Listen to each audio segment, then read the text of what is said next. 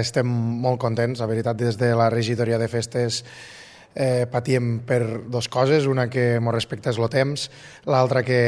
la gent hi participés. Eh, crec que ens ha respectat el temps a la major part de, de les hores i la gent ha sigut una participació de molt d'èxit a tots els actes, tant de dia com de tarda com de nit, i no queda d'altre que fer un, un balanç molt positiu de, de les festes.